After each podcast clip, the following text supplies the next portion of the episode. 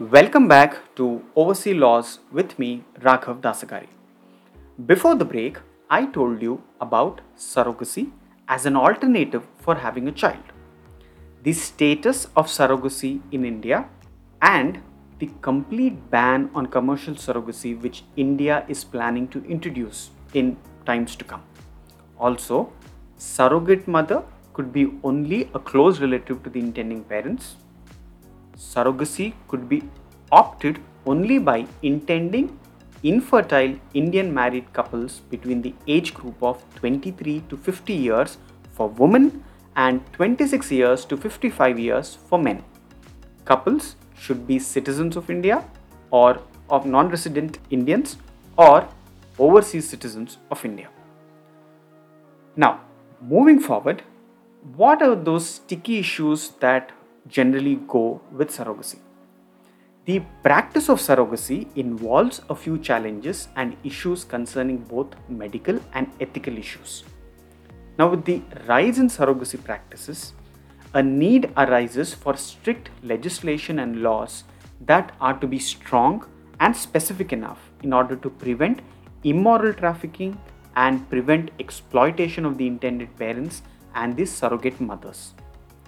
The primary reason for this, in the case of surrogacy, there is no specific outlined plan for the protection of surrogate mother and the child in case the contract is not honored by the intended or the biological parents. Secondly, most of the insurance companies do not cover the procedure for surrogacy in their plans. And even if there are schemes available, the premiums are very high and the knowledge of this is very limited among the surrogate mothers. One of the core issues that need to be addressed is providing the surrogate mother with financial stability, whereas in few countries commercial surrogacy is allowed, such as India, Russia, Georgia, Ukraine, Thailand, and a few states of the United States of America also do permit. And hence, there are legislations that provide as some relief to the surrogate. It has been quite often seen that the intended parents are charged with an outrageous amount of money, whereas the surrogate mother is given just a fraction of this amount, and it is the middlemen who ultimately reap the monetary benefit. Hence, the legislations and the guidelines in place for this is are ineffectively enforced and it has been seen in more than a few cases that surrogate mother is exploited and not provided with the financial stability.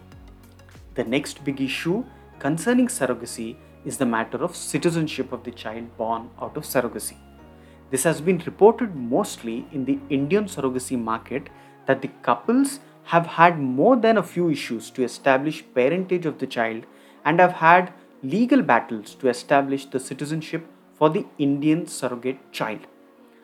In India, it has been seen that many women from poor socio-economic strata are both attracted and lured to surrogacy with the promise of easy money and are finally exploited. These women are more often than not are left high and dry by the middlemen and the ART clinics that take up bulk of the payment and offer no post delivery care as stipulated in the ICMR guidelines. Now, if you are an intending parent, what do you have to really keep in mind before deciding to opt for surrogacy? Well, you should always know that it is the obligation of the surrogacy clinic to explain thoroughly all the known side effects and the after effects of the procedure to the surrogate mother and get a written consent from her in the language she understands. This is very crucial even with respect to your stand is concerned because the surrogate mother's consent is the very basis for the legal agreement that you would be entering with her. So please stay focused on this particular point. Next, the commissioning couple, that is the intending parents, not to abandon the child born out of a surrogacy procedure, whether within India or outside, for any reason whatsoever, including but not restricted to any genetic defect birth defect, any other medical condition, the defects developing subsequently, or maybe sex of the child, or conception of more than one baby, etc. They also aren't allowed to avail services of more than one surrogate at a time. Next, a surrogacy clinic has to compulsorily be registered with the Indian authorities in order to provide these services. The intending parents are bound by the surrogacy agreement to pay for the surrogate's expenses that include expenses related to the entire medical procedure of surrogacy, expenses of feeding the embryo in the gestation period, the attorney's fees if appointed, and all other medical expenses as and when they are required. Now, moving to the last issue that I'd be covering under this talk show that is, what is the citizenship of the surrogate child? Well, before that, let me tell you that India offers visas to the foreign couple on a case to case basis to visit India for the purpose of collecting the surrogate child. Surrogacy must be recognized as legal as per prevalent laws in the country of the visa applicant.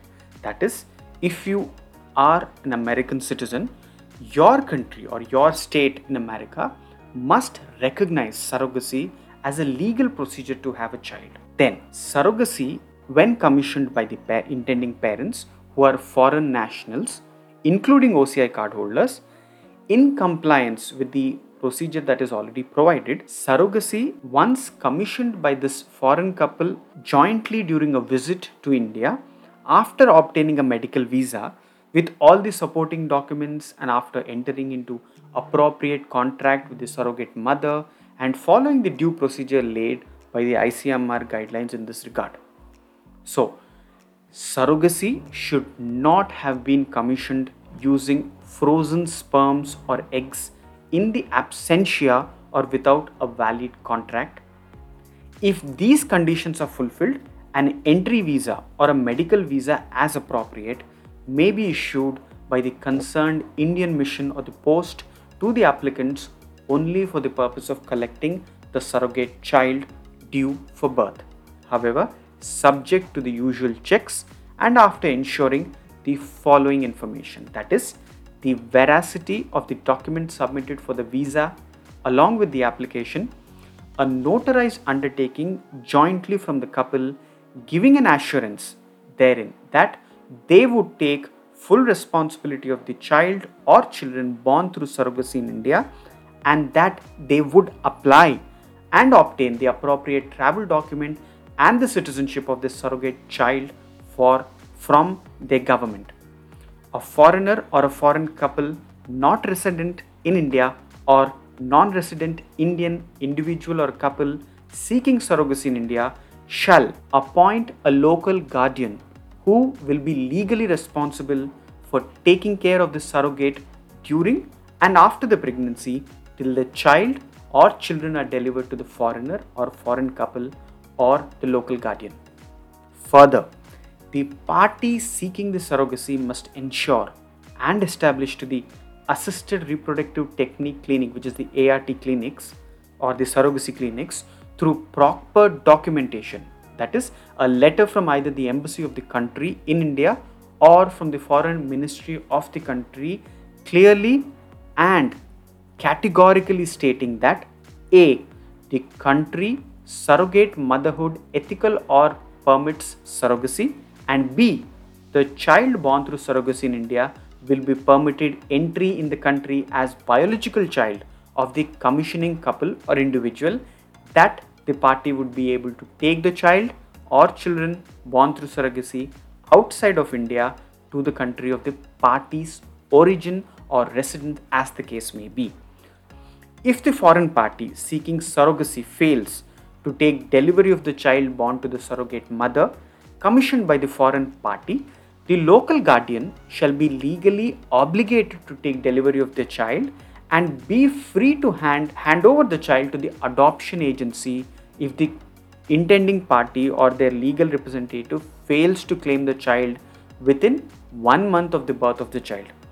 During the transition period, the legal the local guardian shall be responsible for the well-being of the child in case of the adoption or the legal guardian having to bring up the child and the child will be given Indian citizenship.